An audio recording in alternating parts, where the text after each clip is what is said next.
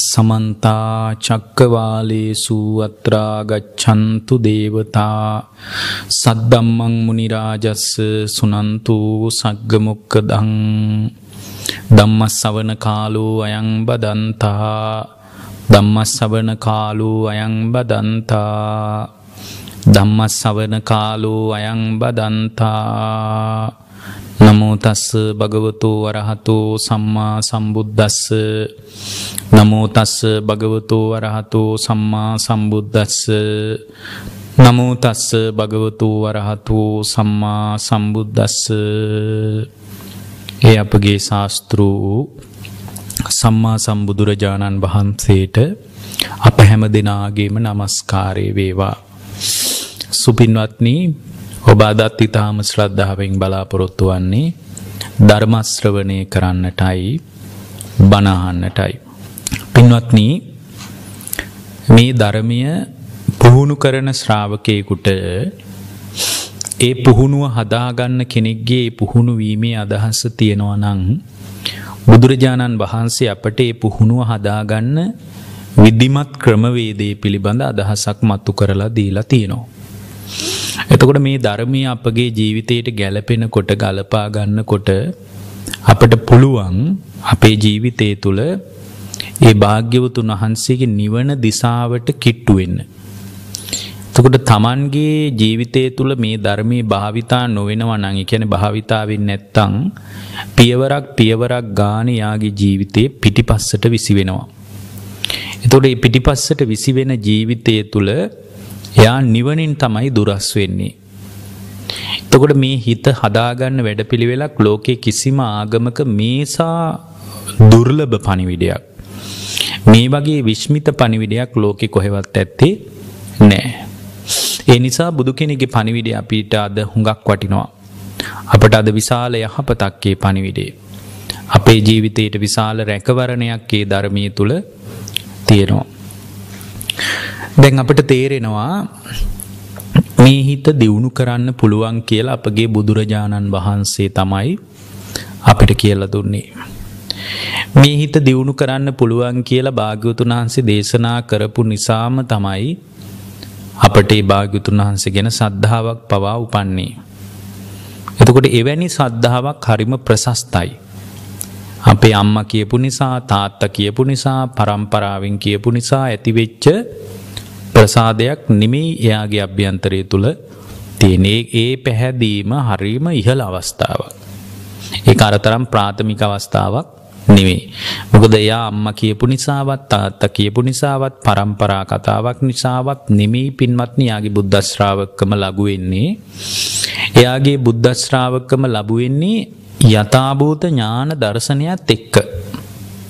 ඒ යථාභූත ඥාන දර්ශනයත් එක්කම මේ හිත අපට දියුණු කරගන්න පුළුවන් මේ හිත දියුණු කරගන්න වැඩපිළිවෙලක් අපට අපගේ බුදුරජාණන් වහන්සේ තමයි දේශනා කළේ වගේ බොහෝම ප්‍රශස්ත තැනකින් තමයි යා ධර්මය ස්පර්ශ කරන්නේ.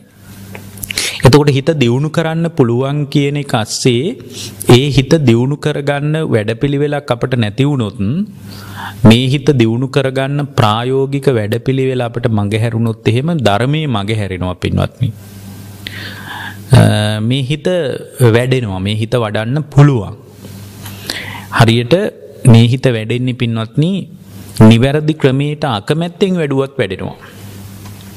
නිවැරදි ක්‍රමේ නම් තියෙන්නේ එයාට නිවැරදි ක්‍රමයේ පිළිබඳ කැමැත්තක් නැති වුණත් ඒ නිවැරදි ක්‍රමය තුළ නම් එයා ජීවමාන වෙලා තියෙන්නේ එවැනි නිවැරදි ක්‍රමයක් තුළ ජීවමාන වෙච්ච සැබෑ ශ්‍රාවකයෙක් ඒකාන්ත වශයෙන් මේ ධර්මය ධර්මය තුළ ඇති සුවය අත්විඳිනවා මයි.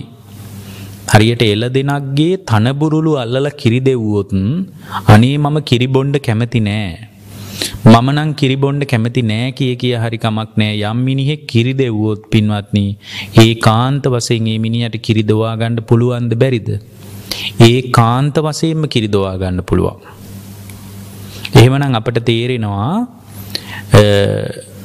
නිවැරදිව කිරිදෝන ක්‍රමේ දන්නවනං අකමැත්තෙන් වනත් කිරිදෙව්වොත් කිරියෙනවා වගේ. ධර්මය පුහුණු කරන ක්‍රමේ නිවැරදිව මුණ ගැහිලා තියෙනවනං කැමැත්ත අකමැත්ත අදාලනෑ කැමැත්තක් තියෙන් ඕන චන්දයක් තියෙන් ඕන. එයා අකමැත්තෙන් හරි සැකෙන් හරි මේ වැඩේ කළොත් ඒ කාන්ත වසයෙන් එයාගේ හිත වැඩෙනවමයි. එතකොට සමහරයි හිටිය බුද්ධ කාලේ ඒ අය ඇවිල්ල තියෙන්නේ පැවිද්දට හොරකං කරන්න බලාගෙන. හොරකං කරන්න බලාගෙන ඇවිල්ල ධර්ම ස්පර්ස කරපු අයි නොයක හාමුදුරුව කෙනෙක් වැඩ හිටිය ඒ හාමුදුරුවෝ විශාල ගෝල පිරිසකට ධර්මී උගන්නපු කෙනෙක්. විශාල පිරිසක් ඒ ධර්මයේ පිහිට පිළිසරණ අභිවෘද්ධිය යහපත හදාගත්තා. හැබැයි මේ හාමුදුරුවන්ගේ ජීවිත එක දෙයක් තිබුණා හැමදාමත් මේ හාමුදුරුවෝ නැගිටලා ඒ පන්සලේ තිබිලතිනව පින්වත්නි ලොකු තඹ හැලියක්. එකට ලොකු හැලියක්. ඒ තඹ හැලියට හැමදාම වඳිනෝලු මේ හාමුදුරුවෝ. දැන් තඹ හැලියකට වඳින එකේ අර්ථය මොකක්ද කියලා අපට හරියට හිතන්නත් බෑ සමහරට ගුරුවරයා එහෙම කරද්දි ගෝලයොන්ට එකපාරක අහන්නත් බෑනි පින්වත්නි. දැන් ගුරු ස්වාමීන් වහන්සේ හැමදාමත් තඹ හැලියකට වඳිනවා. ඒ තඹ හැලියකට වඳින එක හරි අමුතුයි. නමුත් ඕක අහන්න බෑ. දවසක් ගුරුවරයා දැන් හොඳටම ලෙඩ වෙලා මරණාසන්න වුණා. උන්වහන්සේ අපවත් වෙන්නයි කිට්ටුව. එක ගෝලෙක් ඇහුවා දැන් මේක මොකක් හරි වැදගත් දෙයක්ද දන්නේ නැහැ හිමුණොත් දැන් ගුරුවරයා මිය ගියාට පස්සේ ඕක අපිට හරි කරන්න බැරියයි කියලා හිතාගෙන තමයි උන්වහන්සේ අහන්න ඇත්තේ. උන්වහන්සේ අහනවා මේ අනේ ස්වාමීන් වහන්සේ මේ ඔබ වහන්සේගෙන් මේ කතාව අහන්නම් අහන්නම් අහන්නම් කියලා හිටියා. හැබැයි අහන්න බැරි වුණා. මේ අවසාන වෙලාවේ හරි මේ කතාව අහන එක වටිනවා කියලා මට හිතිලා යහන්නේ. ඔබ වහන්සේ හැමදාම උදේ හවස මොකටද අර තඹ හැලියකට වන්දනා කරේ කියලා ඇහුවා. ඔබ වහන්සේ ඇයි අර තඹ හැලියට දිනපතාම වැන්ද කියලා ඇහුවා. එතකොට අර ගුරු ස්වාමින් වහන්සේ කියනවා ආයුෂ්මතුනි මේ මම ඒ තඹ හැලියට වැන්දේ මම ඔය හැලිය හොරකම් කරන්නට ආපු හොරෙක් කියනවා. මම ඒ කාලේ හොරකමේ ගියා කියනවා. ඒ හොරකමේ යන අතරේ දවසක් මම මේ ආරාමේ මැදින් ගියා කියනවා. ඒ ආරාමේ මැදින් යනකොට මට මේ ආරාමයේ මේ තඹ හැලිය දකින්න හම්බ වුණා කියනවා. මේ තඹ හැලිය දැකලා එදා මට හිතුණා මේක නම් හොඳ ගානකට විකුණ ගන්න පුළුවන්. කොහොම හරි මේ තඹහැලිය උස්සගෙන ගියානං හරි හැබැයි මේක විශාල තඹහැලියක් මේක එහෙම එක පාර උස්සගෙන යන්න බෑ. හැබැයි මේකින් බ්ලොකු ආදායමක් ගන්න පුළුවන් සමහරට රජ කෙනෙක් වගේ කෙනෙක් පූජා කරපු එකක් වෙන්න ඇති. මේ අරගෙන ගියොත් ලොකු ගානක් ගන්න පුළුවන්. හැබැ මේ එක පාර ගන්න බෑ. මොකොද මේ විශාල ආරාමයක පැවිදි කණ්ඩායම් ගොඩක් ඉන්න තැනක විවිධ පැවිද්දො ඉන්න තැනක මේක ගන්න බෑ. මම ඒ නිසා මේ ආරාමිට සිවුරක් පොරෝගන පැවිදි වුණා කියන ඇයි පැවිදි වුණේ? හොරකං කරන්න බලාගෙන. මේ තන්නි කරම හොරකං කරපු වැඩි වැඩියෙන් හොරකං කරපු මිනිහෙක් මේ මනුස්සයක්. එතකොට මෙයා පැවිදි වුණේ මොකටද? පැවිදි වුණේ මේ සියලු දුක් හමාර කරලා සම්පූර්ණයෙන්ම දුක නිමා කරලා චතුරාර්ය සත්‍ය අවබෝධ කරගන්න අදහසින් නෙමෙයි පැවිදි වුණේ. එතකොට පැවිදි වීම ASCII තිබුණ ඉලක්කය මොකක්ද? පැවිදි වීම ASCII තිබුණු එකම ඉලක්කය තමයි කොහොම හරි මේ තඹ හැලිය උස්සගෙන යනවා. පැවිද්දට මුවා වෙලා කොහොම හරි ඕක උස්සගෙන යනවා. මොකද මේ එකපාර මුස්සන යන්න බෑ. මොකද මේ ආරාමේ ගොඩක් අය ඉන්නවා. මේ පැවිදි වෙලා මේ හැලිය හොරකම් කරන්නම් කියලා මහාන වෙලා තියෙන්නේ. දැන් මේක ගෙනියනවා නම් වඩාත් පහසු කොයි වෙලාවටද රෑක හිමීට උස්සගෙන යන එක තමයි හොඳම දේ. සමහර මේක නිකන් මේ මැටි මුට්ටියක් වගේ එකක් නෙමෙයි වෙන්න ඇති මේක හුඟක් වටිනා එකක් වෙන්න ඇති. කොහොම හරි මේක උස්සගෙන යනවා කියලා මහන වුණා දවසක් හිමීට සැලසුම් කළා මේ මේක උස්සගෙන යන්න. එහෙම සැලසුම් කරලා රෑ ඔන්න මේ තඹ හැලිය තියෙන තැන හෙට්ට ඇවිදිනවා මෙහෙට්ට ඇවිදිනවා දැන් දඟල දඟල ඉන්නවා මේ හාමුදුරු. එතකොට මේ බැලුව වටපිට බලනකොට ඒත් බෑ මොකද එළියේ හාමුදුරුවරු කීප නමක් සක්මන් කරනවා. මොකද නිදි වරාගෙන මේ ධර්මයේ පුහුණු කරපු ස්වාමීන් වහන්සේලා මේ ශාසනයේ හිටියේ. මොකද අද එහෙම නැති වුණාට අද බොහෝ පිරිසක් අතර එම කෙනේ ධර්මී නෑ කියන එක නෙමෙයි. නමුත් අර නිතර නිතර අපිට එහෙම එකක් දකින්න හම්බෙන්නේ ඒකට ප්‍රධාන හේතුව ඉතින් ආරාමවල විශාල පිරිසකුත් නෑනේ ස්වාමින් වහන්සේලා. එතකොට මේ ස්වාමින් වහන්සේ මතක් කරනවා මම ඒ කාලේ මේ ආරාමේ මේ මේ විදියට ඉන්නකොට මම සක්මන් කර කර හිටියා සක්මන් කරේම මේ හැලිය හොරකං කරන්න.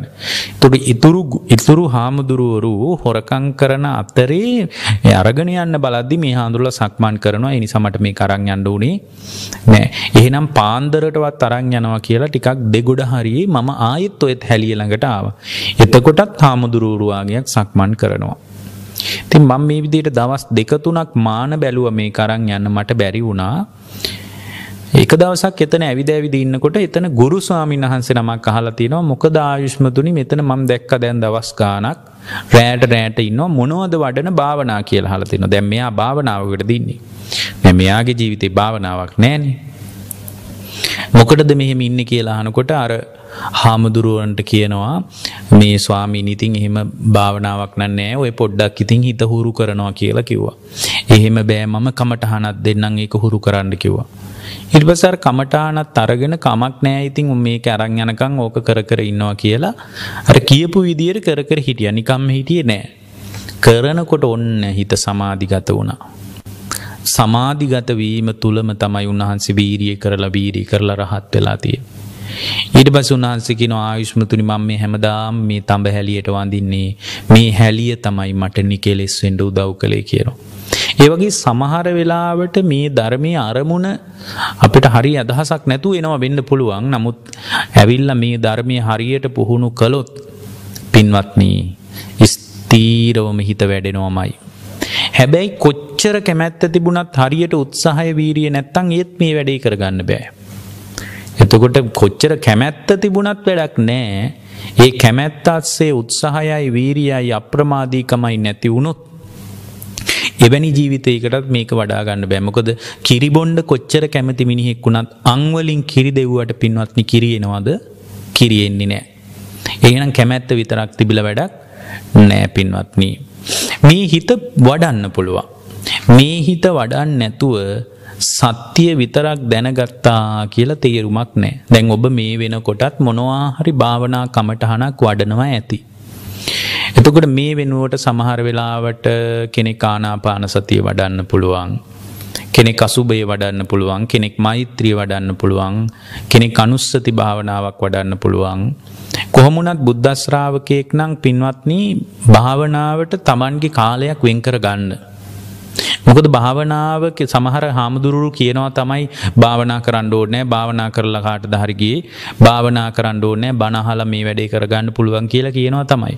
හැබැයි ගිහියෙක්කෝ වේවා පැවිද්දෙක්කෝ වේවා එයාගේ ජීවිතේ භාවනාව කියන කාරණයට එයාගේ හිත විවෘත වෙලා නැත්තං එයාට සම්පූර්ණයෙන්ම නිකෙලෙස් වෙනවා කියලා හිතනවා නං එක කවදාවත් වෙන්නේ නැති වැඩක්. එක නිකං අදහසක් විතරයි. කිකිලියක් බිත්තර දාලා රකින්න නැතුව පැටව් බලාපොරොත්තු වෙන්න බෑපින්වත්නී. බිත්තරදාපු කිකිලී ඒ බිත්තර උණුසුම් කරන්න ඕන. බිත්තර රැක ගණ්ඩෝන. බිත්තර ටික ආරක්ෂා කරන්න ඕන. එවැනි ආරක්ෂා කිරීමක් තුළ තමයි ඒ කිකිලිට බිත්තරවලින් පැටව් බලාපොරොත්තු වෙන්න පුළුවන් වෙන්නේ. විසිරෙන ගමන් හරි කමක් නැහිත වඩන්න බලන්න. ගොඩාක් දෙනෙක් කියන කතාව තමයි භාවනා කරද්දී ස්වාමිනාස භාවනා කරන්න නං හිතෙනවා හැබැයි හිත විසිරෙනවා.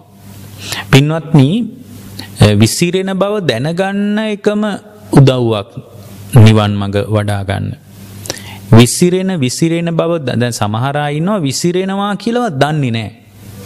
එයාගේ හිත විසිරෙනවා කියලා යා දන්නේ නෑ.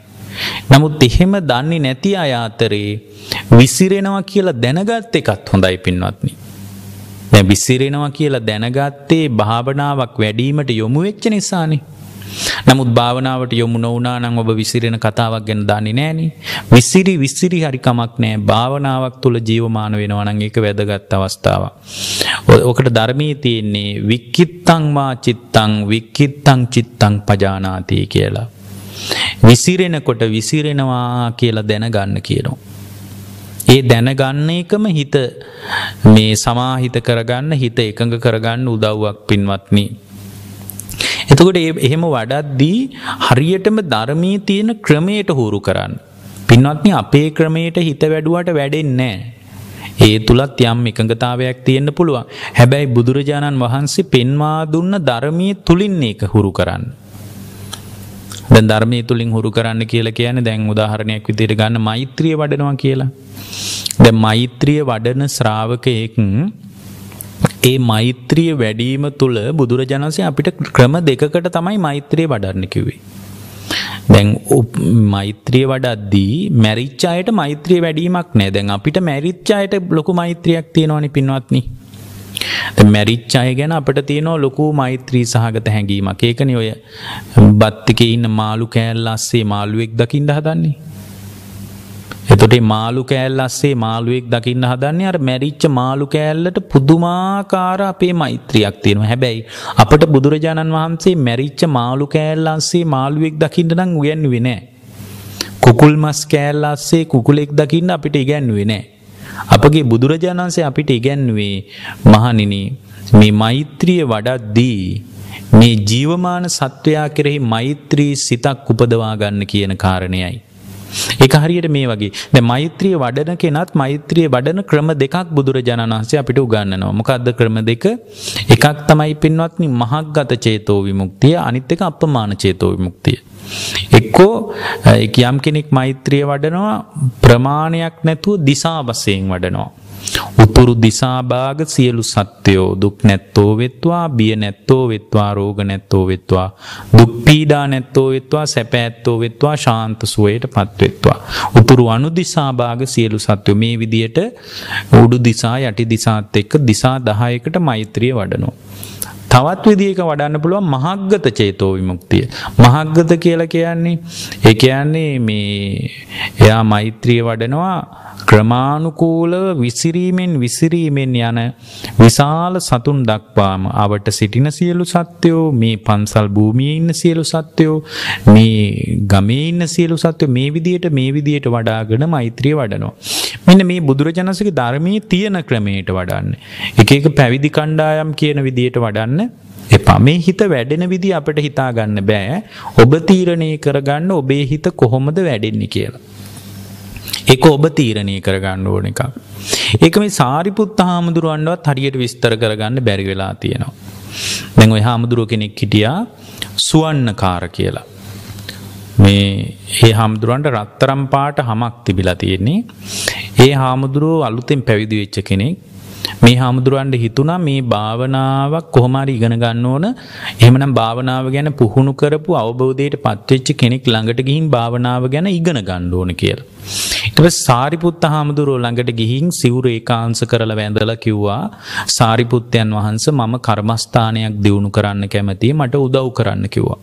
ඒ වෙලාවේ සාරිපුත්ත හාමුදුරුවෝ මේ ස්වර්ණකාර කියන භික්ෂුවට උන්වහන්සේ හිත දැකලා ටිකක් මේ රාගයට බර වෙච්ච හිතක් තිබ්බ නිසා අනිත්‍ය සංඥාව වඩන්න කියලා උගන්වලා තියෙනවා. ඒතර මේ භික්ෂුව අනිත්‍ය සංඥාව වැඩුවා. මාස 3ක් වැඩුවා ප්‍රතිඵල නැහැ. ඇවිල්ලා කිව්වා ස්වාමීනි මේ සාරිපුත්තයන් වහන්සේ අනේ මට නම් මොකක්වත් හිතේ ඒකාග්‍රතාවයක්වත් නැහැ. ඊට පස්සේ උන්වහන්සේ තවත් විස්තර කරලා විස්තර කරලා කියලා දුන්නා. ඒත් මාස කීපයක් වැඩුවා ඒත් මොකක්වත් නැහැ.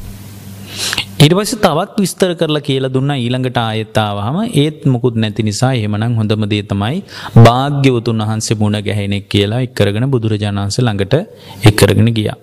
උන්වහන්සේ පින්වත්නි ස්වර්ණකාර භික්ෂුවට දීලා තියෙන්නේ මේ මලක් දිහා බලාගෙන මල පරවෙලා යන විදිහේ කම කර්මස්ථානයක් ඒ දිහා බලන්න තමයි උන්වහන්සේ උගන්වලා තියෙන්නේ. එතකොට මේ භික්ෂුව හරියට ඉඳගෙන වැඩුවද හිටගෙන වැඩුවද කියලා නෑ. ඒ භික්ෂුවට ඒ තුල තමයි අරහත්වය මුණ ගැහිලා තියෙන්නේ. එතකොට අපිට තේරෙනවා මේ හිත වැඩෙන විදිය ගැන අපිට හරියට අදහසක් ගන්න පුළුවන් කමක් නෑ. නමුත් මේ හිත වැඩෙනවා.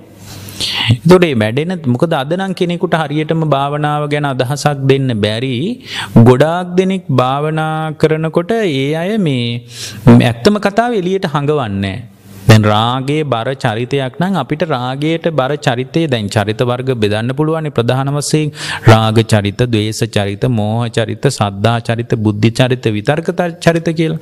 ඉතින් මේ චරිත ලක්ෂණ අපිට ගොඩක් කතා කිරීමෙන් තමයි හොයාගන්න වෙන්නේ. නමුත් අර තමහර වෙලාවට ඇත්තටම තියෙන මනෝභාවය යා ප්‍රකට කරන්නේ නැහැ. ඒ කියන්නේ අවංක නැහැ යා ධර්මයේ තුල. ඒ නිසා යාට හරියන ක්‍රමීතින් හරි අමාරුයි කියලා දෙන්නත් අමාරුයි කරන්නත් අමාරුයි මොක දෙන්න ඒ කියන යාවංකෝ ප්‍රකට කරන්නේනි. ඒ නිසා තම තමන්ගේ ජීවිතය තුළ ධර්මයක් පුහුණු කරගන්න තම තමන් දක්ෂ වෙන්න. දැන් ඔකට අද අපි මේ කතා කරන දේශනාවේ අන්තර්ගතයත් මං ඔබට මතක් කරගෙනම මේ දේශනාව අපි ඉදිරියට කතා කරමු. මේ අංගුත්තර නිකායේ පංචක නිකාතේ පංචක නිපාතයේ තියෙනවා පින්වත්නි නිස්සරණීය ධාතු සූත්‍රය කියලා. ඒ කියන්නේ නික්ම යෑම ගැන වදාළ දේශනාව. නික්ම යෑම මොනවගේ නික්ම යෑමද? මොනවගේ නික්ම යෑමද කියලා මේ දේශනාව අන්තර්ගතයේ දිහා බලනකොට ඔබට තේරෙයි. දැන් බුදුරජාණන් වහන්සේ භික්ෂු සංඝයාට මතක් කරනවා යම් ශ්‍රාවකයෙක් තුල ඕන්න බලන්න වැඩිමකින්ම තමයි මේ වැඩේ කරගන්න තියෙන්නේ. යම් ශ්‍රාවකයෙක් තුල කාමය මෙනෙහි කරද්දී නිස්සරණීය ධාතු සූත්‍රයේ නික්ම යෑම ගැන වදාළ දේශනාවේ මතක් කරනවා යම් භික්ෂුවක් කාමයන් මෙනෙහි කරද්දී කාමයන්ට බැහැගන්නේ නෑ කියනවා. එතොට කාමයන් මෙනෙහි කරද්දී ඒ භික්‍ෂුව කාමයන්ට බැහැගන්නේ නෑ කියනවා. චිත්තන්න බුදුරජාණන් වහන්සේ මතක් කරනවා පක්කන්දති එකැනයා කාමයන්ට බැහැගන්නේ නෑ. නප්ප සීදති එතොට කාමයන්ට පහදින්නෙත් නෑ කියනවා. න සන්තිට්ටති උන්හන්සේ මතක් කරනවා කාමයන් තුළ පිහිටන්නෙත් නෑ කියනවා. විමුක්චති කාමයන් තුළ ගැලිලා ඉන්නෙත් නෑ කියන ඕන කාරණ හතරක් කිව මොකක්ද කාමයන්ට බැසගන්නේ කාමයන්ට පහදින්නේ කාමයන්ට පිහිටන්නේ කාමයන් තුළ ගැලෙන්නේ නෑ. එතකොට එයාගේ ජීවිතය තුළ උන්වහන්සේ මතක් කරනවා නික්කම් මේ මතු වෙනවා. නික්කම් මේ මතුවෙන්නේ කොහොමද කාමයන් තුළ බැසගන්න නැතුව කාමයන් තුළ පහදින් නැතුව කාමයන් තුළ පිහිටන් නැතුව කාමයන් තුළ ගැලෙන් නැතුව ඉන්න කෙනා තුළ තමයි නික්කම් මේ මතුවෙන්නේ. ඒ නික්කම් මේ මතුවෙච්ච ශ්‍රාවකයාගේ අභ්‍යන්තරය තුළ දියුණුව ඇති වෙනවා කියනවා. දියුණුව ඇති වෙනකොට යා ධර්මී තුළින් නැගී හින්නවා කියනවා. ඒ ධර්මී තුළින් නැගී සිටීම නිසා තමයි මිදීමක් තමන්ගේ ජීවිතය තුළ ඇති වෙන්න කියනවා. එතකොට කාමයන් කාමයන් නිසා යාගේ දුක්ඛ පරිදේවයන් මතුවෙන්නේ කියනවා. දුක් පරිදාහය මතුවෙන්නේ නැති නිසා එයා ආශ්‍රවයන්ගෙන් මිදෙනවා කියනවා. මහණෙනි ආශ්‍රවයන්ගෙන් මිදීම පිණිස කාමයන් මෙනෙහි කරද්දී කාමයන් මෙනෙහි නොකර ඉන්න ශ්‍රාවකයෙක් කාමයන්ට බැසගන්න නැති ශ්‍රාවකයෙක් කාමයන්ට පහදින් නැති ශ්‍රාවකයෙක් කාමයන් තුල පිහිටන් නැති ශ්‍රාවකයෙක් කාමයන් තුල ගිලෙන් නැති ශ්‍රාවකයෙක් ඒ ගිලෙන් නැතිවීම පිණිස පුහුණු කළ යුතු හුරු කළ යුතු කෘත්‍යයක් තියෙනවා කියනවා. දැන් එයා සත්‍ය දන්නවා මොකද්ද? කාමයන්ගෙන් වෙන් වෙන්න ඕන. ඊට පස්සේ එයා සත්‍යය දැනගෙන කෘත්‍යයට එනවා. දැන් අද ඉන්නවා දැනගෙන පාවිච්චි කරන්න කියනවා. එතකොට මේ මේ ස්වභාවය දැනගෙන පරිහරණය නෑ ස්වභාවය දැනගෙන පරිහරණය කිරීම ලෝකයේ සත්‍යය නෙමෙයි පින්නත්නි. ස්වභාවයේ දැනගෙන ඒ ස්වභාවයෙන් අතමිදීම පිළිමිස වැඩි පිළිවෙලක් තියෙන්න ඕන. සත්‍යය දැනගත්තට වැඩක් නෑ. එයා සත්‍යය දැනගැනීම තුළ කෘත්‍යයක් කළ යුත්ත දැනගන්න ඕන.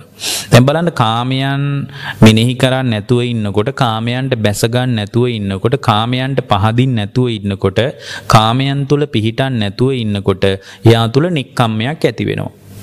එතකොට මේ නික්කම්මය ඇති කරගත්තාම නික්කම්මය තුල යා දියුණු වෙනවා නැගී ඉන්නවා මිදීමක් ඇති වෙනවා කාමයන් නිසා දුක් පරිදාහයක් ඇති වෙනවා නම් ඒ ආශ්‍රවයන්ගෙන් එයා මිදෙනවා.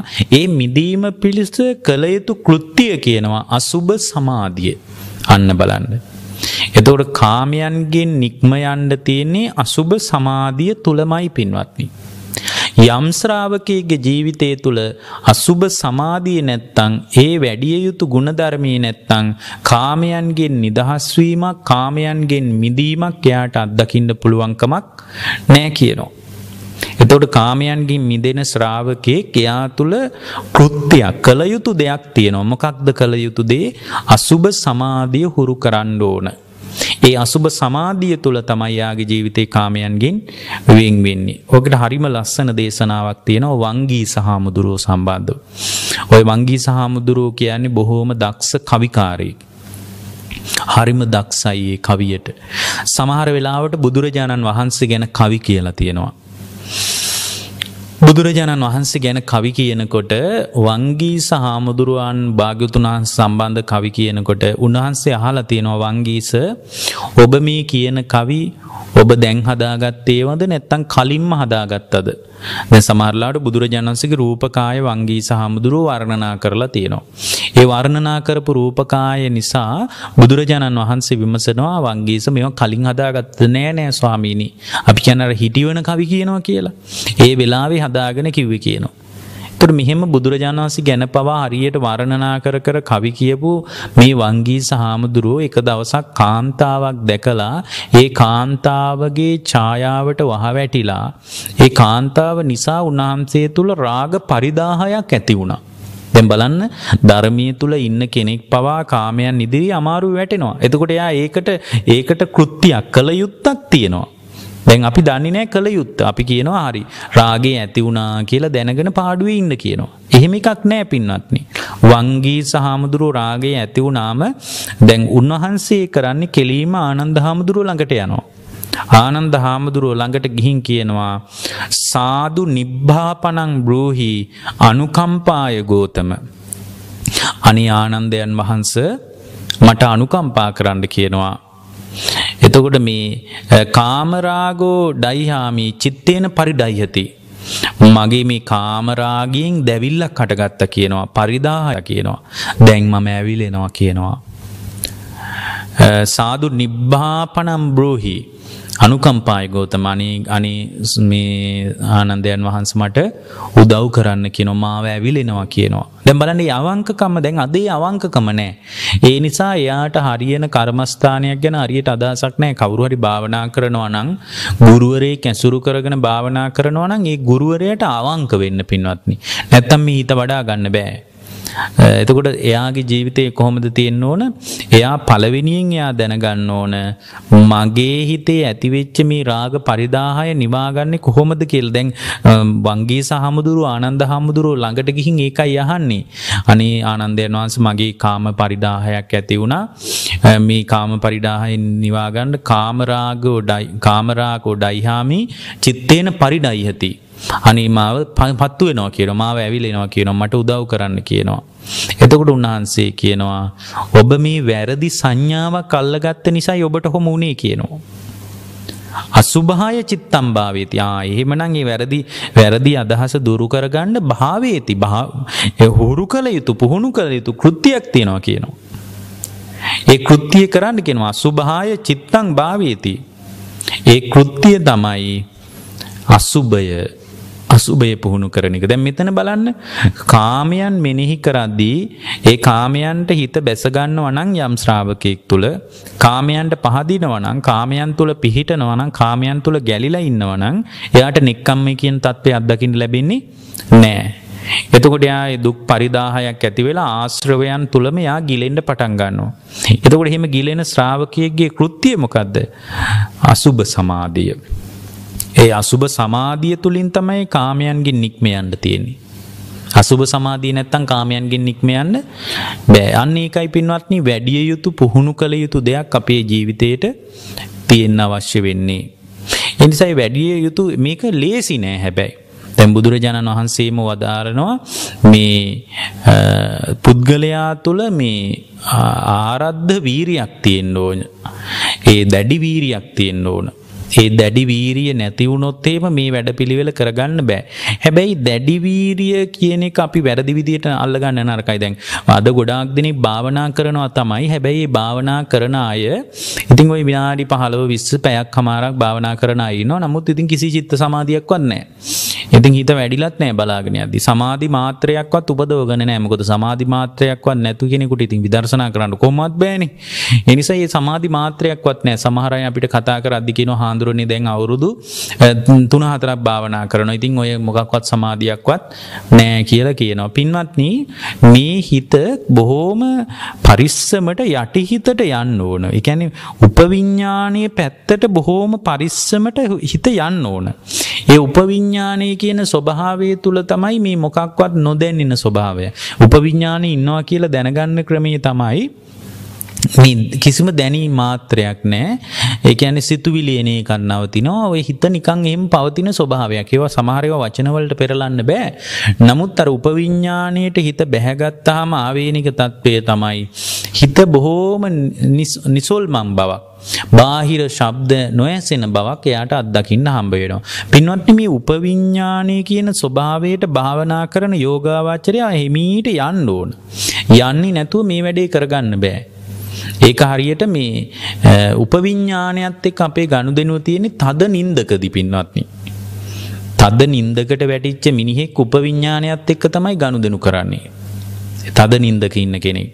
එතුර හීන එහෙම පෙන්වන්නේ පින්වත්නි යටිහිතට තදෙන්ම උපවිඥානය කියන ඔය භවාංග චිත්තයටම ගිය අවස්ථාවක තමයි පින්වත්නි දැන් භාවනාව කියන්නේ භවාංග චිත්තය කියන ස්වභාවයෙන්ම ස්පර්ශ වෙන විදිහට හිත හසුරුවනවා. එතකොට එහෙම හිත හසුරුවද්දී බුදුරජාණන් වහන්සේ අපට දේශනා කරපු ධර්මයෙන් බලනකොට තේරෙනවා මේ විඥානය සහ උපවිඥානය කියන ස්වභාවයට අනුව දැන් තද නින්දකදී උපවිඥානය තුල තමයි ක්‍රියාත්මක වෙන්නේ. ඔය හීන පේන්නේ උපවිඥාණයෙන් ඉන්නකොට. එතකොට තද නින්දකදී තමයි උපවිඥාණයට යන්නේ. දැන් භාවනා කරද්දී මේ සිහි කල්පනාව තියාගෙනම උපවිඥාණය කියන ස්වභාවයට යන විදිහ ගැන තමයි බුදුරජාණන් වහන්සේ අපට උගන්වන්නේ. දැන් ඒක හරියට මේ කිමිදුම් කට්ටලයක් වගේ. දැන් කිමිදුම් කට්ටලයක් කියන්නේ දැන් කිමිදුම් කට්ටලයක් කෙනෙක් පාවිච්චි කරන්නේ මොකටද පින්වත්නි? ඒ කියන්නේ ගැඹුරු මුහුදට මේ සාමාන්‍ය ස්වභාවයෙන්ම යන්න තමයි කිමිදුම් කට්ටලයක් පාවිච්චි කරන්නේ. එතකොට මේ කමටහන කියන්නේ හරියට කිමිදුම් කට්ටලයක් වගේ.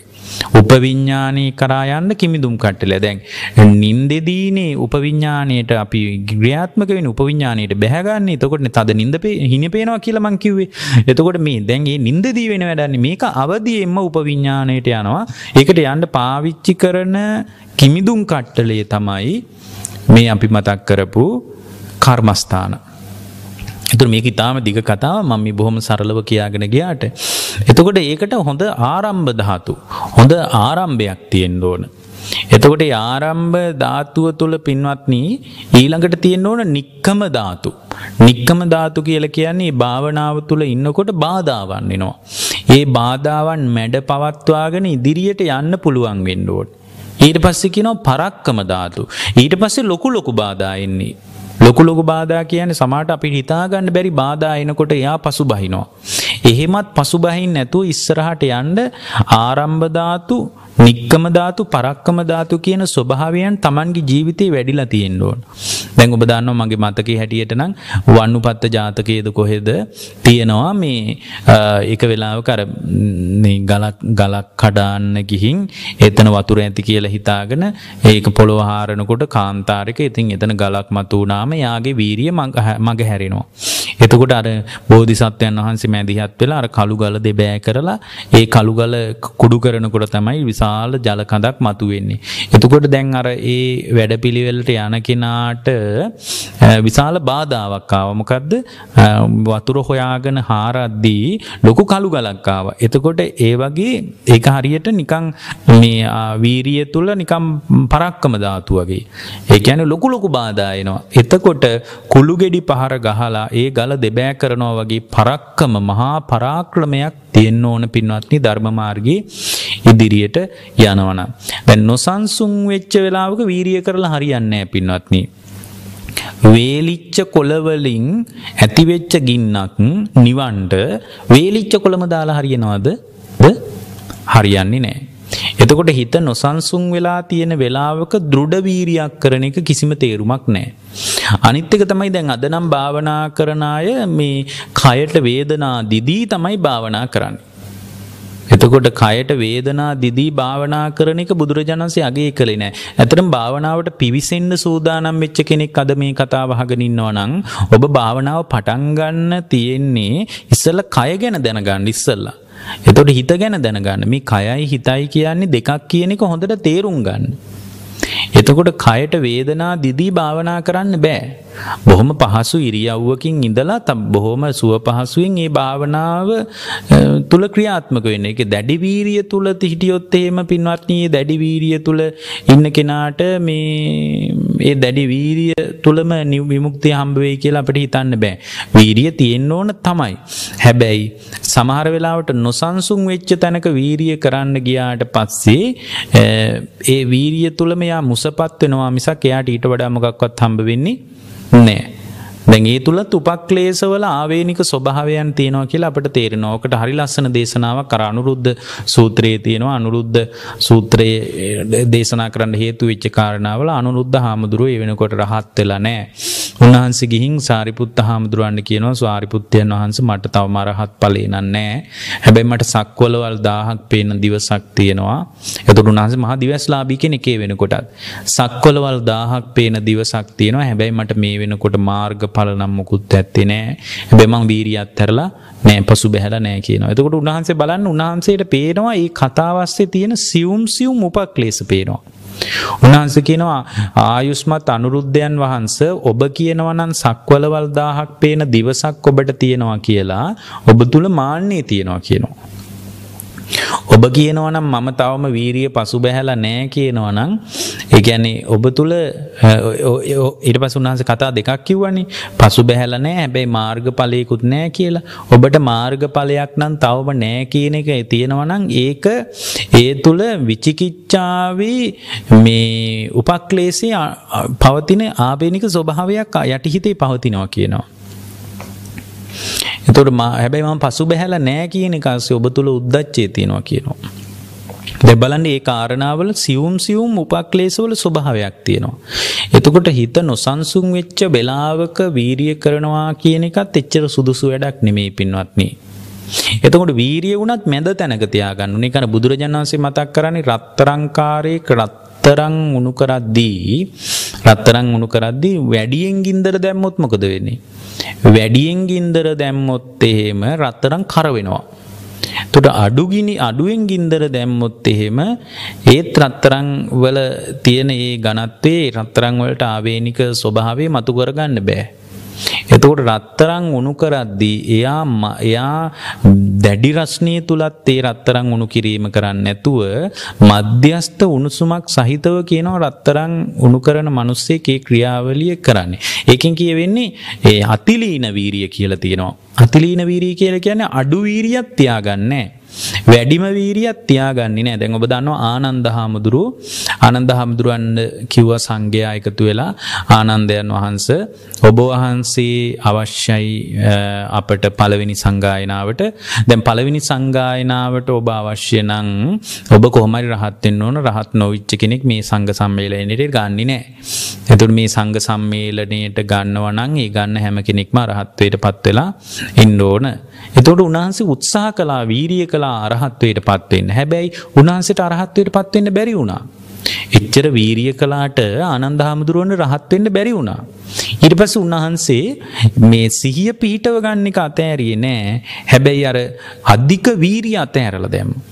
අධික වීරිය අතෑරලා දාලා පින්වත්නි උන්වහන්සේ කුටියට ගිහින් දැන් හෙට සංගායනාව තියෙනවා. හෙට වෙනකොට රහත් වෙන්න ඕන. හැබැයි උන්වහන්සේ වීරිය කළා වීරිය කළා වීරිය කළා මොකක්වත් හම්බුන්නේ නැහැ උන්වහන්සේට. උන්වහන්සේ මොකද කරන්නේ? එහෙම සිහියෙන්ම පින්වත්නි අත් දෙක ඇඳ උඩ තියලා එහෙම අර සැතපෙන්න ලෑස්ති වෙනකොට එතකොට ඉඳගෙන හිට ඉරියව්වකිනුත් නෙමෙයි. හිටගෙන හිටගෙනත් නෑ සැතපිලත් නෑ සිව් ඉරියව්ව තුලම නෑ අත් දෙක ඇඳ උඩ තියගෙන හාන්සි වෙන්න හදන කොට පින්වත්නි අරහත්වයට පත් වෙලා තියෙන්නේ. බලන්න එතකොට උන්වහන්සේ වීරිය අතහැරියට සිහිය අතහැරියේ නෑ. එතකොට අධික වීරිය තුල වුණත් උන්වහන්සේ මුසපත් වීමක් මිසක් උන්වහන්සේට අරහත්ත්වය හම්බුන්නේ නැහැ. උන්වහන්සේ දා රාත්‍රී වීරිය අතහැරලා දැම්මා. ඒ අධික වීරිය විඩාව අතහැරලා දැම්ම. අතහැරලා දැමීම තුළ උන්වහන්සේට විමුක්තියට අදාළ මාවත විවෘත වුණා. උන්වහන්සේ පළවෙනි සංගායනාවටත් වැඩම කළා. දැන් එකකින් අපිට පේනවා අධික වීරියත් එහෙමත් නැත්නම් අතිලීන වීරියත් වීරිය අතහැරලා දැමීමත් බුදුරජාණන් වහන්සේගේ ධර්මයට ගැලපෙන්නේ නෑ. ඒ වගේම තමයි ධර්මයේ පුහුණු කරන කෙනෙකුට විවිධ අභිජප්පාවන් ඇති වෙන්න පුළුවන්. ඒ කියන්නේ අභිජප්ප අභිජප්පා කියලා ධර්මය එකත් උපක්ලේශයක් විදිහට ධර්මයේ පෙන්වන්නේ දැන් අභිජප්පා කියලා කියන්නේ පින්වත්නි මේ විවිධ භාවනා කරන අයටත් ආසා ඇති වෙන. ඒවා නිකන් මේ ප්‍රාණඝාතය කරන්න, හොරකම් කරන්න වගේ ඕලාරික තත්වයක් නෙමෙයි. නමුත් භාවනා කරන කෙනාටත් ඉතින් හාමුදුරුව කෙනෙක් නම් හිතෙනවා මේ තව කුටියක් හැදුවා නම් හොඳයි. මේ ඉස්සරහ සක්මන් මළුවක් තිබ්බනම් හොඳයි. ඊට පස්සේ මේ අපිට මේ ආරාමයට එන අයට වතුර බොන්ඩ වතුර පයිපයක් හැදුවනං හොඳයි වගේ අර ඒ අයටත් එහෙම ඒවා හිතෙනවා. අන්තිමටම බලද්දී ඒ අභිජප්පාවන් නිසාම හිත විපිලිසර වෙලා. එකන් තමන්ගේ సంతානය හැදිලා නෑ තමන් ආයතනය හැදිලා. එතකොට ඒ సంతානය හදාගන්න කෙනා මේ අභිජප්පා කියන උපක්ලේශ වලිනුත් පරිස්සම් වෙන්න වැඩපිළිවෙලක් තියෙන්න ඕන. එතකොට මේ අභිජප්පාවන් නිසා යාට ධර්ම මාර්ගයේ යට යන්න පුළුවන්. මොකද මේ සමහර වෙලාවට මේ භාවනා කරන කෙනෙකුටත් එවැනි ආසාවන් උපදින්න පුළුවන්. දැන් ගිහියෙකුට උනත් එහෙම උපදින්න පුළුවන්. දැන් භාවනා කරන ගිහියෙකුට ටිකක් භාවනා කරන යනකොට අභිජප්පාවක් උපදින්න පුළුවන්. අනේ මේ භාවනා කරන එක අපේ නෝනත් කරනවා නම් හොඳයි. අපේ දරුවොත් කරනවා නම් හොඳයි. අපේ ගෙදරින් අනිත් අයත් කරනවා නම් හොඳයි කියලා යාට හිතෙන එක හොඳ දෙයක්. හැබැයි එයා එහෙම භාවනා කරන්න ගින් දන්නේම නැතුව එයා භාවනා ගුරුවරයෙක් වෙලා ඒ නිසා මෙයාගේ හිත විපිලිසර වෙලා. එතකොට අභිජප්පාවන් නිසාත් මේ නිවන් මඟ යට යන්න පුළුවන්. භාවනා කරන කෙනෙක් මේ සියලු කාරණා ගොඩක් කාරණා තියෙනවා කතා කරගන්න. ඒ සියලු කාරණා ගැන දැනගන්න ඕන. ඒතර බුදුරජාණන් වහන්සේ මතක් කරනවා නිස්සරණීය ධාතු නික්මයාම වදාළ දේශනාවේදී උන්වහන්සේ මතක් කරනවා යම් කෙනෙක් මේ හිංසාව මෙනෙහි කරද්දී ඒ හිංසාවට හිත බැස ගන්න නැත්නම් හිංසාවට පහදින් නැත්නම් හිංසාව තුල පිහිටන් නැත්නම් හිංසාව තුල ගැලිලා වාසය වාසය කරන්න නැත්තං එයාගේ හිත විහිංසාව තුළ ජීවමාන වෙනවා කියනවා. දියුණු වෙනවා කියනවා. එයාගේ හිත නැගී ඉන්නවා කියනවා. එයාගේ හිත මිදෙන්න පටන් ගන්නවා කියනවා. එතකොට හිංසාව නිසා ඇතිවෙන දුක්ඛ පරිදාහයන් ඇති කරන ආශ්‍රව ඔක්කොම යාගේ නැති වෙලා මිදෙනවා කියනවා. මහණෙනි හිංසාව දුරු කරන්න තියෙන හිංසාව දුරු කරන්න තියෙන කර්මස්ථානයේ තමයි කරුණා සමාධිය කියනවා. එතකොට වදක චිත්තේ තියෙන කෙනෙක් බහුල වශයෙන් පුහුණු කරන්න ඕන එකක් තමයි කරුණා සමාධිය. යම් කෙනෙක් द्वේෂය මෙනෙහි කරද්දී ද්වේෂයට බැහැගන්න නැත්තම්. ඔන්න ඊළඟට මතක් කරනවා. ද්වේෂය මෙනෙහි කරද්දී ද්වේෂයට බැහැගන්න නැත්තම් ද්වේෂයට පහදින් නැත්තම් චිත්තන්න පක්කන්දති. ඒ කියන්නේ ද්වේෂයට බැසගන්නේ නැහැ. ඊට පස්සේ නප් පසීදති. දේශයට පහදින්නේ නැහැ. න සන්තිට්ඨති. දේශය තුල පිහිටන්නේ විමුක්චති ද්වේෂය තුළ එයාගේ ජීවිතේ ඇලීමක් ගැලීමක් නැහැ. අන්න ඒ වගේ ජීවිතයකට නම් ඒ කියන්නේ ද්වේෂය තුළ පිහිටන් නැතුව, ද්වේෂය තුළ බැහැ ගන්න නැතුව, ද්වේෂය තුළ පහදින් නැතුව, ද්වේෂය තුළ ගැලිලා ඉන්න නැතුව ඉන්න කෙනා තුළ දියුණුවක් ඇති වෙනවා කියනවා. ධර්මයේ තුලින් එයා නැගී ඉන්නවා කියනවා. ද්වේෂය මුල් කරගෙන ඇතිවෙන දුක්ඛ පරිදාහයන් ඇති කරන ආශ්‍රවයාගෙන් මිදිලා යනවා කියනවා.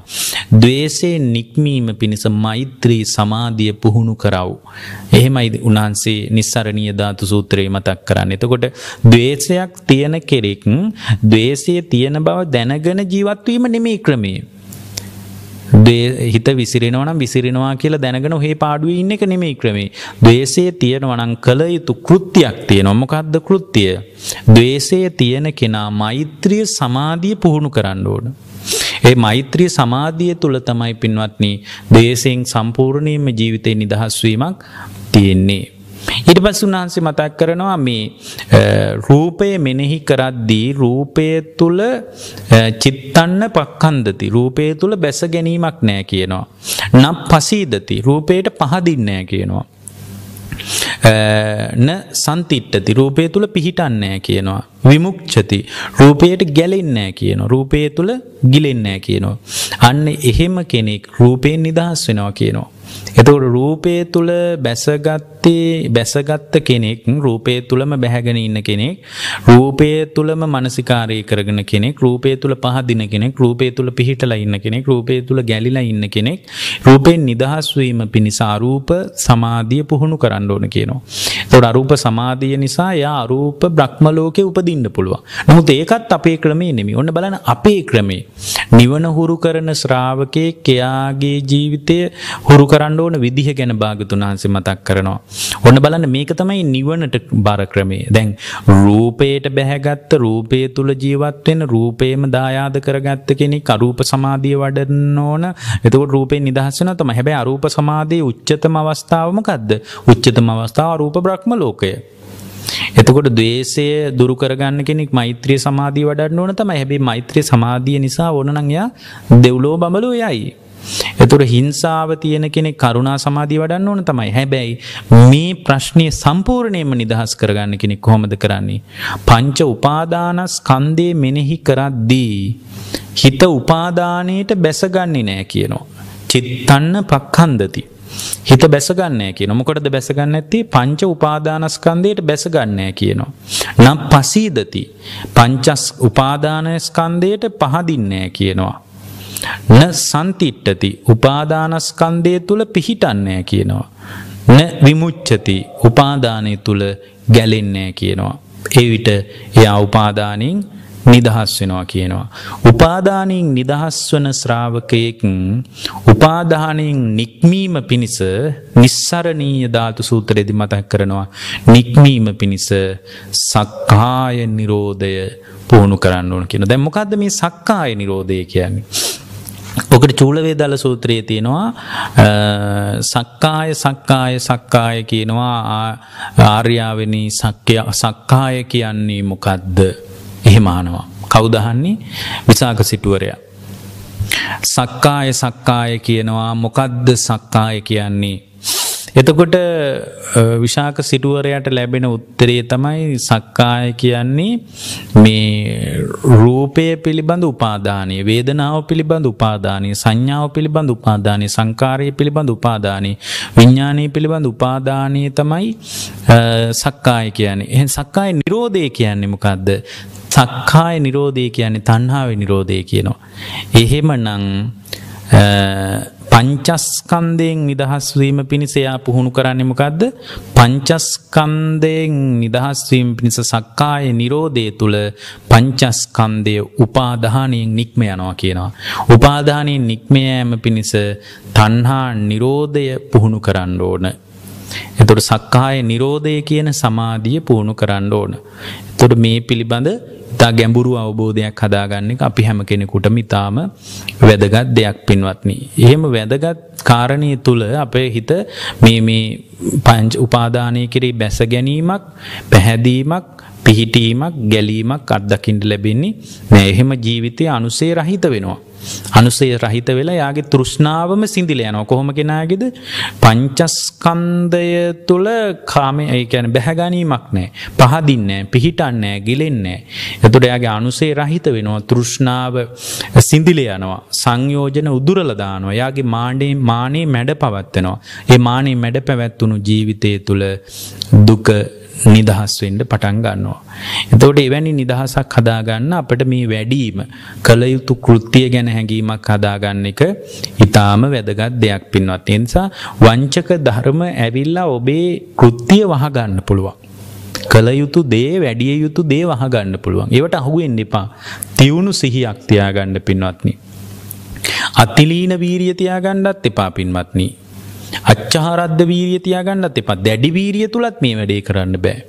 අතිනීන වීරිය කිව්වේ වීරිය අඩු කරනවා. වීරිය අඩු කරාට පස්සේ පින්නොත් හිත උදාසීන වෙලා මේ තීන මිද්දේ වගේකින් තමයි පීඩා විඳින්නේ. එතකොට වීරිය වැඩි වුණාට පස්සේ හිත කලබල වෙලා ඒ තුලත් මේ කෘත්‍ය කළ යුත්ත අපිට කරගන්න ලැබෙන්නේ නෑ. එතකොට භාවනාව තුළ හිත පිහිටව ගන්න කෙනෙක් මේ වංචක ධර්ම ඉදිරියේ කියන්නේ භාවනා කරන කෙනෙක්ගේ හිත වැඩෙන වංචක ධර්ම ඉදිරියා පරිස්සම් වෙන්න ඕන. වංචක ධර්ම කියන්නේ වෙන එකක් වගේ එනවා හැබැයි අපිට පේන්නේ වෙන දෙයක්. ඇතුළේ තියෙන වෙන දෙයක්. ඒ කියන්නේ රාගය ඇති වෙන්න පුළුවන් හරියට අනුකම්පාව වගේ. එතොට ඒ භාවනා කරන කෙනාට පේන්නේ නිකං අනුකම්පාවගේ නමුත් ඇති වෙලා තියෙන රාගේ. මේ නිකන් ලෝබය එන්න පුළුවන් පිරිමැස් මේ වේසින්. එන්නේ ඇත්තේ එක නෙමෙයි වංචක ධර්මයක් විදිහට තමයි එළියට එන්නේ. ඒක හරියට නිකන් හොරෙක් එන්න පුළුවන්. දැන් හොරා හොරකම් කරන විදිහට මාවොත් නම් කිසි ප්‍රශ්නයක් නැහැ. මෙයා හොරෙක් කියලා දැනගන්න පුළුවන්. හැබැයි දැන් හොරෙක් එන්න බැරිද පින්වත්නි මහත්තයෙක් වගේ ඇඳගෙන. ටයි එකක් එහෙම දාලා හොඳට කලිසන් ෂර්ට් ඇඳලා හොරෙක් එන්න පුළුවන්. එතකොට එන විදිහින් අල්ලන්න බෑ. අන්න ඒ වගේ වංචක ධර්ම නිසා පින්වත්නි කල යුතු භාවනාවක් පුහුණු කරන ශ්‍රාවකයෙක් කල යුතු කෘත්‍ය යට යන්න පුළුවන්. ඒ වගේම තමයි පින්වත්නි මේ භාවනාවක් වගේ දෙයක් කරන කෙනෙක් ඔය බරපතල උපක්ලේශ ගොඩක් කියන්න පුළුවන්. නමුත් බරපතල උපක්ලේශයක් තමයි මේ නානත් සංඥා වගේ. නානත්ත සංඥය කියන්නේ උපක්ලේශයක්. හේතුව තමයි එක එක සංඥාවල හිත පිහිටනවා ඒ සංඥාව තුළ විසිරීමක් හිතේ අත්දකින්න ලැබෙන්නේ. අර එක භාවනා කරපු දෙන්නෙක් භාවනා කර කර ඉඳලා තියෙනවා. ඒ භාවනා කර කර ඉන්නකොට මම හිතන්නේ මේ ගඟක් අයිනි භාවනා කර කර ඉඳලා තියෙන්නේ. ගඟක් අයිනි භාවනා කර කර ඉන්නකොට ගෑනු කෙනෙක් වතුර කලයක් අරගෙන ඇවිල්ලා ඒ වතුර කලයට සුදු රෙදි කඩක් දාලා ඒ රෙදි කෑල්ලට වතුර පුරවනකොට ඒකට හිත පිහිටලා තියෙනවා. එතකොට ඒ ඒ ඒ පිහිටීම තුළ මේ ගැට පටන් කියලා ඒ වාක්‍ය මෙනෙහි කර කර ඒක ඒක තමයි මානසිකාර්ය වෙලා තියෙන්නේ. තව එක්කෙනෙක් දැකලා තියෙනවා මේ කොකෙක් ඉන්නවා වහලා මේ වතුරේ කොකා දැකලා එයා දැකලා තියෙනවා උදක බකන් කියලා. එතකොට මේ ජලය මත කොකෙක් කියලා මනසිකාරය කළ තියෙන. ඊට පස්සේ ඒක විසිරෙන්නේ නැහැ. ඒ වගේ අර භාවනා සංඥාවෙන් අයින් වෙලා නානත්ත් සංඥාවල හිත විසිරෙන්නේ නැතුව පිහිටීම නිසාත් පින්වත්නි මේ අමාරු වැටෙන්න පුළුවන්. දැන් භාවනා කරන්න ඕනේ ඇයි? භාවනා කරන්න අපි ඉස්සරහට පුළුවන් වුණොත් භාවනාව ගැන දීර්ඝ වශයෙන් ගැඹුරින් කතා කරන්න බලමු. භාවනාව කරන්න ඕන පින්වත්නි සිහිය පැවැත්වීම පිණිස. සිහිය පැවැත්වීම කියලා කියන්නේ හරියට ගුණා වගේ.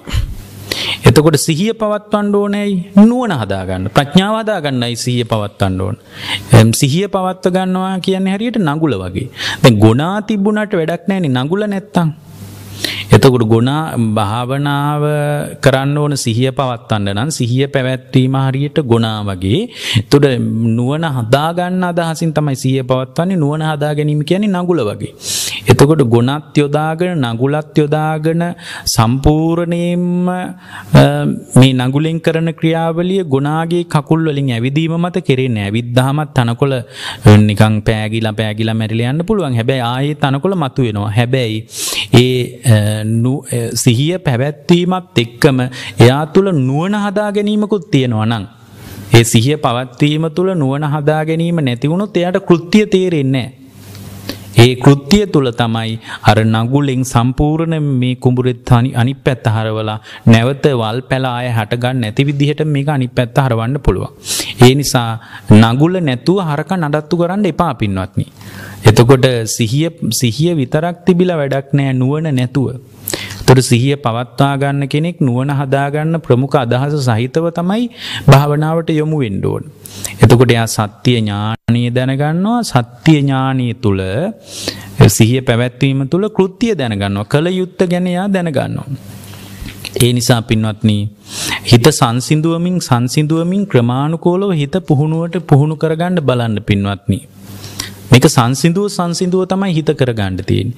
මේ ඇඟට ඇඟට රිදුම් දිදී මේක කරගන්න බෑ. සමහර අය ඇඟට කාගෙන දත් මිටි කාගෙන වාඩි වෙලා ඉන්නවා. සමහරට නමාගත්ත විදිහටම හිම්ම නමාගෙන ඉන්නවා. පින්වත්නි ඇඟ රිදුම් දෙන ගමන් භාවනාවක් කරන්න බෑ.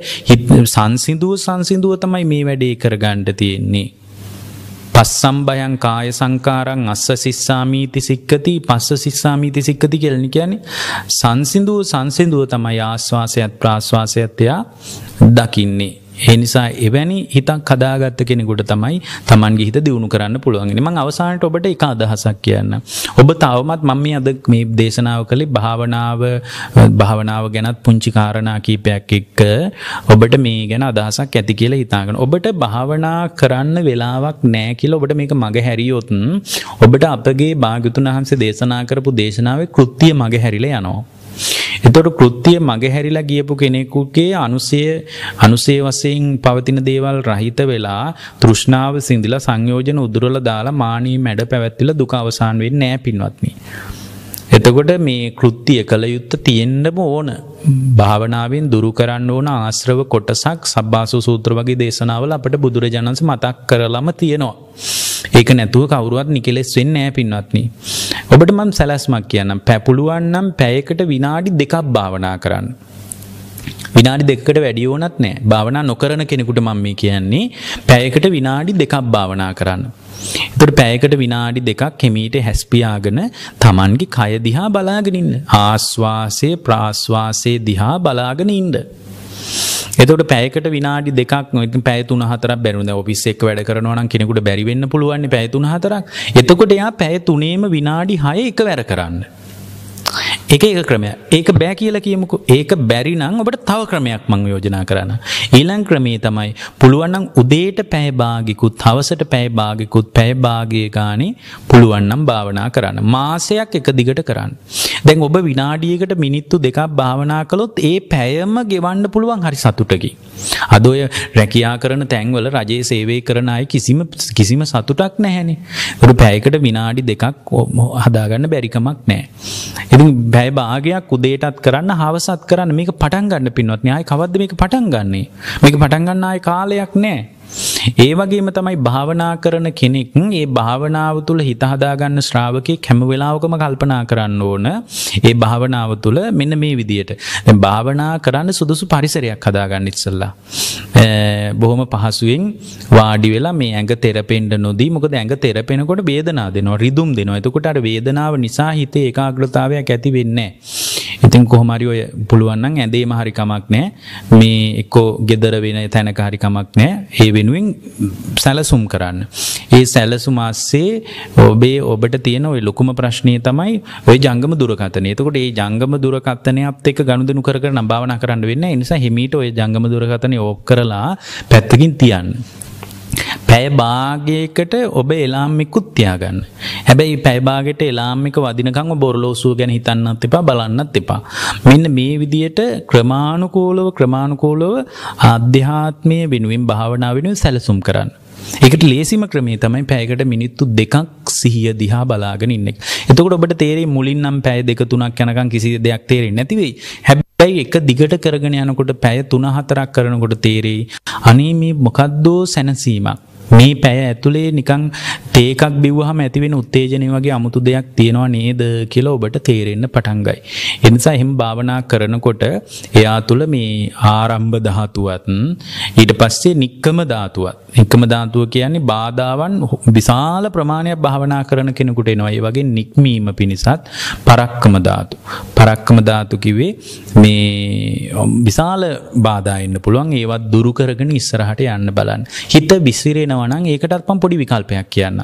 හිත විසිරෙනවනං හොඳට භාවනාවෙන් වාඩි වෙලා මුලින්ම දැන් හුස්මදිහා බලාගෙනන්න බැරිනං ආස්වාසේ ප්‍රාශ්වාසය බලන එක තේරෙන් නැත්තං එමීට වාඩි වෙලා ඇස් දෙක පියාගෙන ඔබේ ශරීරය හොඳට හිතට ගොඩ නගාගන්න. හොඳට ඔබ ඉස්සරහත් තියෙනවා කියලා හිතන්න ඒ විදිීම ඇට සැකිල්ලා. හොඳට ඔළුව දිහා බලන්න ඔළුවේ ඔළුව දිහා බලනකොට ඔබට ඇට සැකිල්ලක් හොඳට මවාගන්න ඇස් සිදුරු තියෙනවා නාසේ ළඟින් සිදුරු තියෙනවා හිස් කබලේ කන් දෙක දෙපැත්තෙන් සිදුරු තියෙනවා පහලට බලන්න. ඊට පස්සේ බලන්න හිස් කබල සම්බන්ධ වෙලා තියෙනවා ප්‍රධාන ඇට සැකිල්ලට. වම් පැත්ත බලන්න. වම් මත තියෙනවා. වැලමිට හරියෙන් පහලට කොටස තියෙනවා. වම් මතේ ඇඟිලි තියෙනවා. ඇඟිලි තුඩු දකින්න. මේ ඔක්කොම දැකලා ආයෙත් දකුණු අත පැත්තට බලන්න. මේ විදිහට බලාගෙන ඇවිල්ලා යටින් බලන්න වම් කකුල දිහා. මේ කෙන්ඩ ප්‍රදේශයේ තියෙන විශාලයට කටුවක් තියෙනවා. ඊට පස්සේ පහලට යනකොට තවදුරටත් මේ ඇගිලි දක්වාම විලුඹ හරියෙන් දිගැටි ඇට කෑලි කීපයක් තියෙනවා මේ ඔක්කොම දකින්න ඇට සැකිල්ලක් විදිහට. අන්න එහෙම දකින්නකොට හිත ඒකාග්‍ර වෙනවා. ඒ ඒකාග්‍රතාවය තුළ ආස්වාස ප්‍රාස්වාසයේ දකින්න එතකොට හිත හොඳට සංසිඳිලා සංසිඳිලා Tamanගේ හිත වැඩෙන්න පටන් ගන්න. ඔබ හැම දිනාටම හිත වඩා ගන්නට මේ දේශනාව කෙටි දේශනාව. ඇත්තටම භාවනාව ගැන මේ භාවනා ප්‍රවේශයක් හදාගන්න කෙනෙකුට උදව් වෙයි කියලා හිතාගෙන අපි මේ කාරණා කිව්වේ. ඔබ හැම දිනාට දෙනාටම ධර්ම අවබෝධය පිණිස ජීවිත අවබෝධය පිණිස මේ දේශනාව උපකාර වේවා කියලා අදිෂ්ඨාන කරනවා මතක ඇතුව හෙට ඉඳලා පැයකට විනාඩි දෙකක්වත් භාවනා කරන කෘත්‍ය වශයෙන් කළ යුතු දෙයක් ජීවිතේ පුහුණු කරන ශ්‍රාවකයෙක් වීම පිණිස දේශනාව උපකාර වේවා කියලා අදිෂ්ඨාන කරනවා. සියලු දෙවියන්ටත් මේ පින් උපකාර වේවා. සියලු දෙවියන්ට දිව්‍ය රාජ මණ්ඩලවලට බ්‍රහ්ම රාජ මණ්ඩලවලට මේ පින් උපකාර වේවා. දෙවියන්ටත් උතුම් නිවන් පිණිසම මේ උතුම් කුසල් බලවත් වේවා. චතුරාරි සත්‍ය අවබෝධ වේවා කියලා අදිෂ්ඨානෙන් අපි දේශනාව හමාර කරනවා ඔබ හැම දිනාටම තෙරුවන් සරණයි.